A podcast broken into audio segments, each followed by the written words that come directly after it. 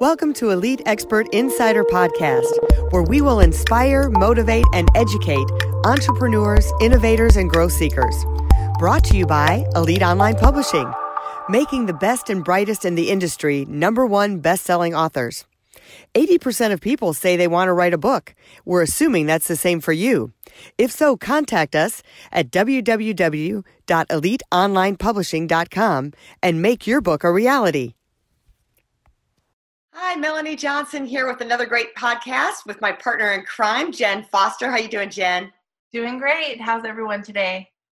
Good. So, you know what? Um, I have children that have ADD. I know as a parent, it's a struggle. Sometimes you feel like you want to pull your hair out. The kids want to pull their hair out. Um, and we're going to learn some really great things for you to deal with that with dyslexia and ADD today, today, whether you're the parent, you're the person who has it as an adult or as a child.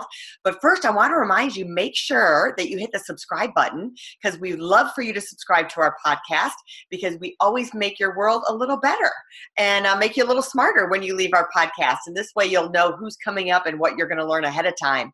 And uh, also, um, our company, Elite Online Publishing, we make all our authors number one bestsellers. If you're thinking about writing a book, which 80% of the people in the world want to write a book. So if you think you're one of those and you need some help becoming an author, we would love to help you. You can just reach out to us on our website, eliteonlinepublishing.com. All right. So, um, I know as a parent of an ADD person, ADD uh, son, that it is can be challenging, uh, and sometimes you're just like, I just want to pull my hair out. I want to bang my head against the wall, um, and you don't know what to do. It's just somebody help me deal with these issues. Um, so I'm so glad you're here today to have this conversation. I know it's going to be really helpful. David and Jill Stowell, thank you so much for coming. Well, thanks for letting us come. Great. Well, tell us, David and Jill, a little bit about your background and how you came to writing this book about attention disorder and dyslexia and learning. You know, probably the easiest way is for Jill to tell you about one of the one of our thousands of students. So, we had a student who came to us when he was nine. His name is Derek, and uh, he was this really cool, charismatic kid and uh, he couldn't read a thing. And he happened to be in a special education class at school. So, in special education, they give you a plan, an annual plan. And his annual plan for reading said that he would learn 10 survival words. And I looked at that and I thought, well, nobody thinks this child is ever going to read. What are survival words? Well, words like men, women, stop, caution, and here's this brilliant, cool kid. And that's what he's going to learn in a year? Well, that was uh, totally unacceptable to his mom, which is why she came to us. And uh, we worked with Derek to, he was severely dyslexic. We worked with him to correct the underlying issues that were getting in the way of him being able to learn to read. And by the time Derek was in junior high, he was out of special education. By the time he was a senior in high school, he was he was in honors classes and graduated with honors. I just happened to run into him uh, a few years after that, and he uh, was a very successful theater major in college. And so we got into this because there are millions and millions of Derek's out there kids with all kinds of potential and for some reason uh, underlying skills that are not supporting them well enough they're not functioning and learning the way they should in school. And it's just kind of commonly believed well okay you just got to get around it. And we so we're on a mission to change that for all those struggling kids. Well, and, and as you said, a, as a parent of someone with ADHD, you're tearing your hair out. You know, it is disruptive. It's not only bad for grades, it's disruptive to the entire family. Um, and and often these kids who are bright. Um, and, and I should point out, my brother was, was born with Down syndrome. That's not what we're talking about. We're talking about kids with average to above average IQs, but they're struggling in school. Mm-hmm. Mm-hmm. So you say there's underlying issues. You identified the underlying issues. Are are these um, something that are similar amongst a similar thread amongst all of these students, or are they all different and can range from all over the place? Or is there really like a basket that you can pull from and say, yes, this, nope, not that? Well, there are a whole set of skills, a few dozen, that you have to have in order to be a, um, a good, efficient learner and, and make learning easy.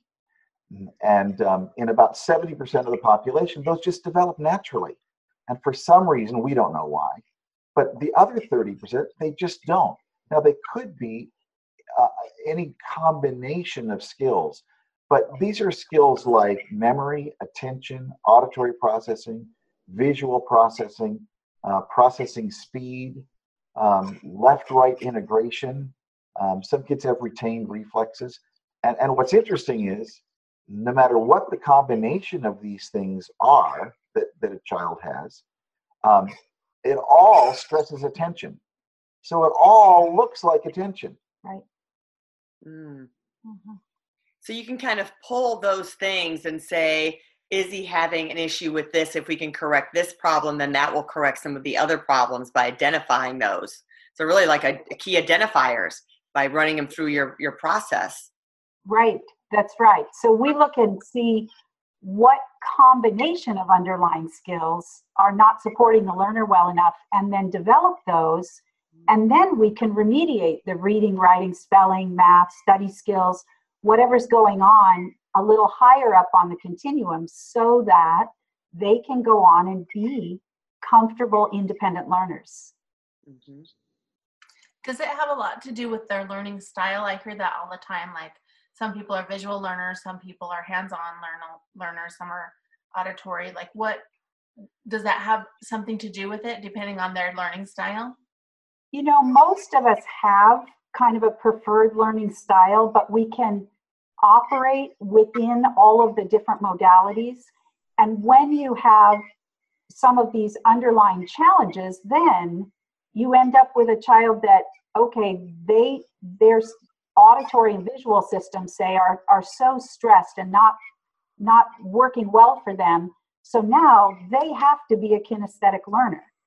Well, in school, that doesn't work very well, even though it might work great you know, for other things outside of school.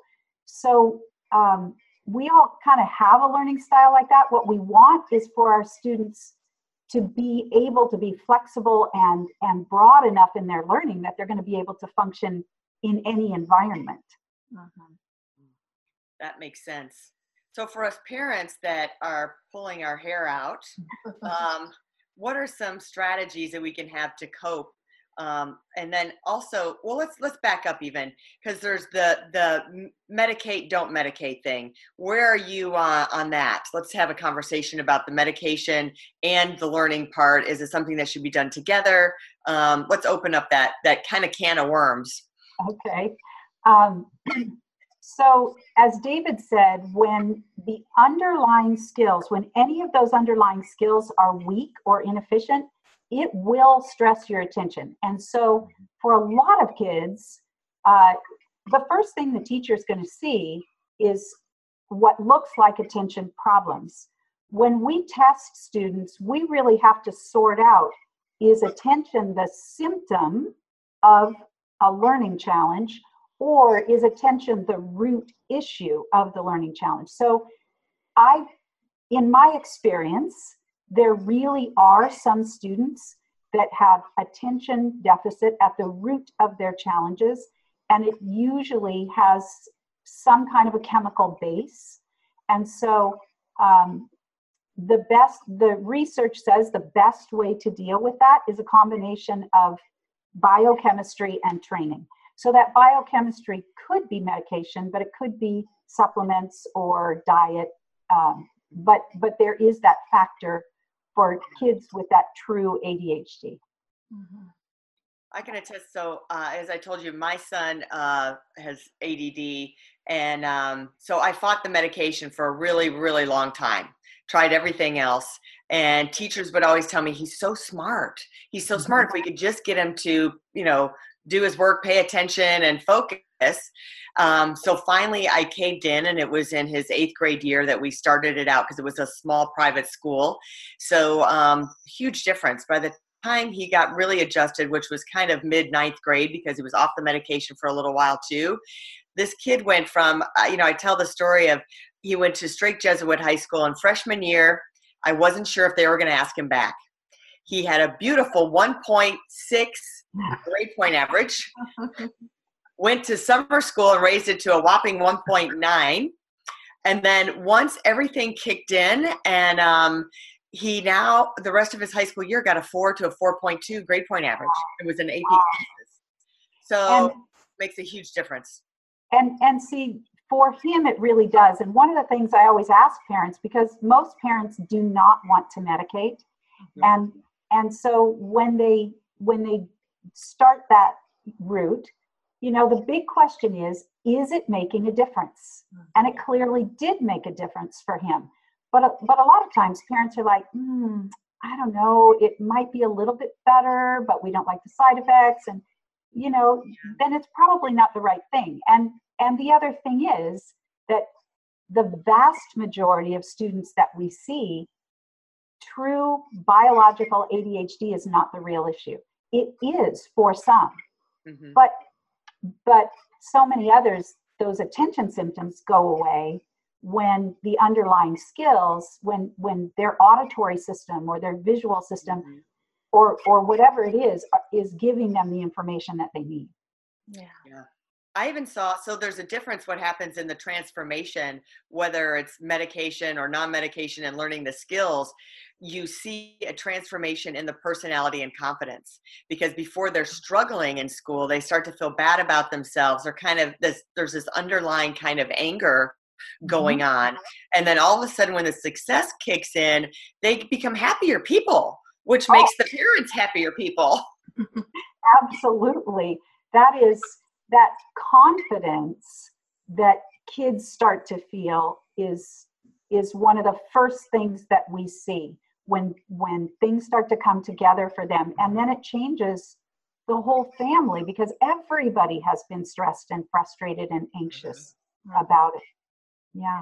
You know what, one of the nice things about about what we've been able to do is that students typically come to us three times a week for an hour or so um, and that's going to be t- between 9 and, and 24 months but when they're done they're really done they're not coming back every week after that they're they're finished and they're performing at you know the highest levels uh, that that they can perform at mm-hmm.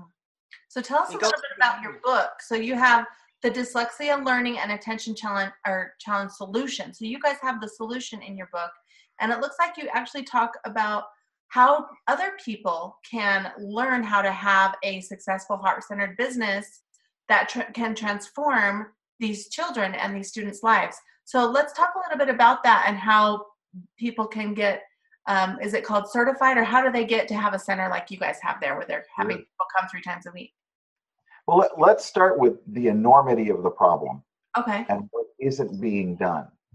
Um, research now tells us that roughly 15 million current k-12 students could use the kind of help that we we really provide mm-hmm. um, and what we know is schools and traditional tutoring do not do this work. And we could have debates all day about whether they should or they shouldn't.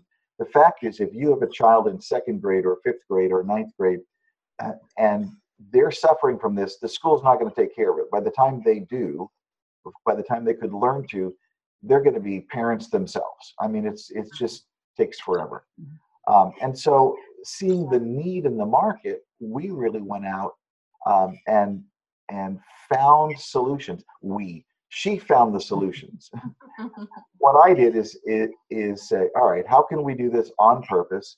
And how can we really make a business out of it?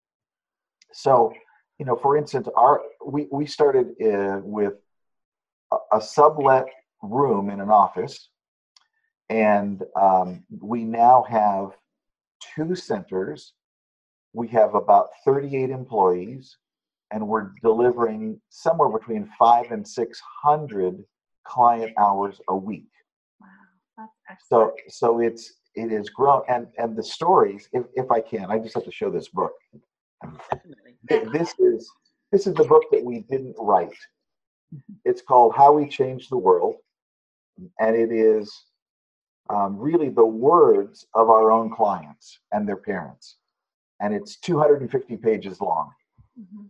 Um, it, it, the, the stories just make me cry sometimes. It, it's amazing the transformation that can happen. So you, we go from really frustrated parents and kids um, who go to the school and think that there's something wrong, and the school either tells them that there isn't, or they do things that don't actually solve it. And when they find us, the, the gratitude is amazing. Um, so, and, and there are so many approaches to dealing with this that schools and other people use that are really tough. Um, and, and they seem logical, but they don't work. What we do is we tr- retrain the brains to process information the way everybody else does. So, what's happened is over the, the, the decades, um, Jill's really developed uh, a number of programs depending on what which skills the, the child needs. Mhm. Um, we put it into a system and we teach it to other people. Uh, we have about uh, 12, 13, 14, I, I, I lose count sometimes, people that we've licensed to do this. And, and what we offer people is what we call an area exclusive license. It's not a franchise, uh, but you get a geographic area and we teach you everything you need to know. And we actually do some marketing for you. And then we um, support you. You know, we, we have a, a phone call every single week with our with our licensees going through questions and and and both on the business end and on the clinical end. And then it gives them the opportunity to actually build their own centers and do this, offer this in their communities, which is pretty amazing. what I love about this is, um, you know, someone like like me, I'd be listening to this podcast and go, "All right, I want to see if someone's licensed in my area, so I can take my children there."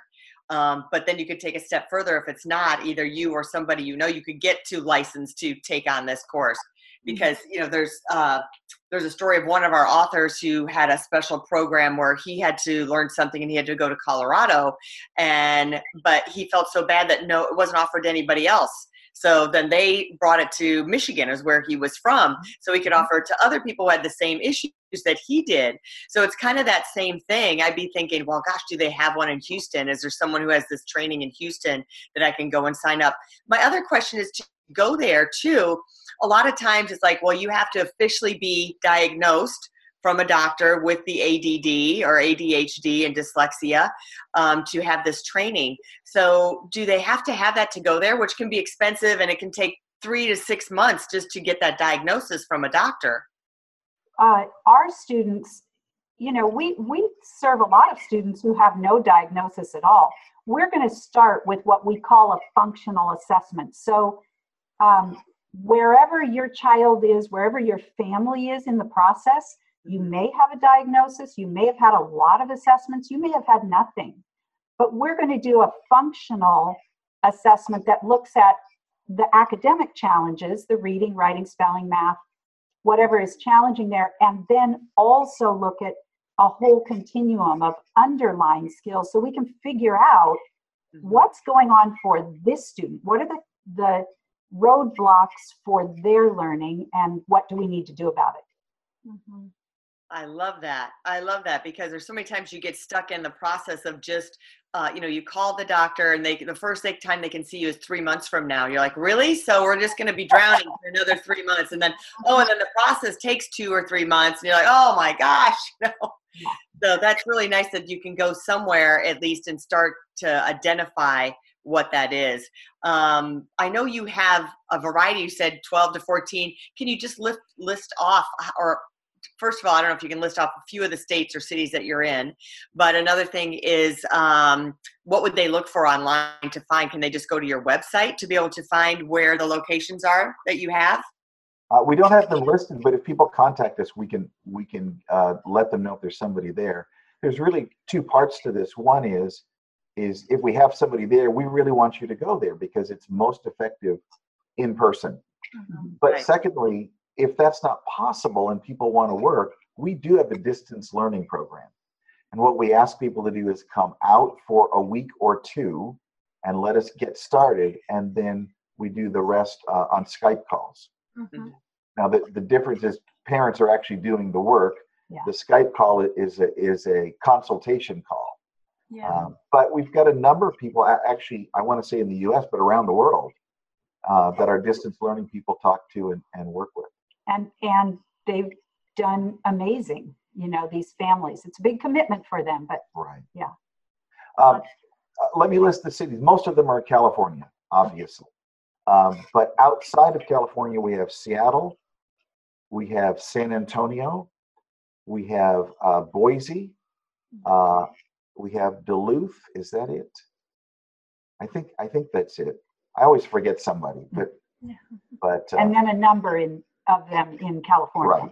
right. But, but we're looking all the time uh, to do that. And and you know we're we will continue to expand our centers also. Mhm. Uh, but you know that that's a slower process than if ten people said we want to start centers in different cities. We can do ten at once. Great. So- well, where can people go to find your website and to contact you and find out more information on how they can get their center started in their city? Sure. Um, the the place to go is the place to start is read the book. yeah. So go to Amazon first and type in David and Jill Stowell and get the book, The Dyslexia Learning and Attention Challenge Solution. Right. And and if you want for your people, I will be happy to give them a free copy. All they have to do is go to fixlearningskills.com. That's fix as in repair, F I X. Fixlearningskills.com. They can fill in the form and we'll get them a book immediately. Great. Well, we'll put that link up at the bottom. That's a great value. Appreciate you giving that to all of our listeners. And one last tip give us any uh, parent survival tips that you have. Whoa. um, you know, I, I just did an executive function workshop for parents last weekend. And uh, one of the things, you know, when you when you need to sit down and problem solve through something with your child, do it in a calm, neutral time. Sit down, talk about, you know, we've we've got something that we've got to you know, we got a little problem here and we've got to work on it. And together, dialogue possible solutions. Um, but don't do it in the middle of a conflict. That never works for anybody. Nobody's in their rational brain. But really, you know, taking the time to to brainstorm solutions together and and really think together what's gonna what do we think is gonna work best and and then commit to giving it a shot and and then coming back and checking to see how it works then it's kind of like a collaboration between you and your child and they're building their executive you're helping them build their executive function and they know that you're kind of a team for whatever kind of a challenge it is That's great advice. Great advice. Yeah, I wish I would have had that about four years ago. well, thank you so much, Jill and David, for coming by today. I hope everybody learned something and uh, pick up their book to get more tips uh, and learn more about what they have to say about ADHD and dyslexia that may be able to help you and your children or child. So, um, also remember to subscribe to our podcast. We'd love to have you subscribe and hear from you. Leave us a comment. And if you're thinking about writing a book, please contact us at eliteonlinepublishing.com. And we will see you next time right here. Bye. If you'd like to create the most powerful advertising tool for your business, contact us at eliteonlinepublishing.com, where we will help you create, publish, and make your book a number one bestseller and show you how to get new leads and more revenue for your business. If you'd like to check us out on our Facebook page, we have a free book for you as our gift. Just go and click free book. Remember to subscribe and leave a comment for our podcast. We would love to hear from you.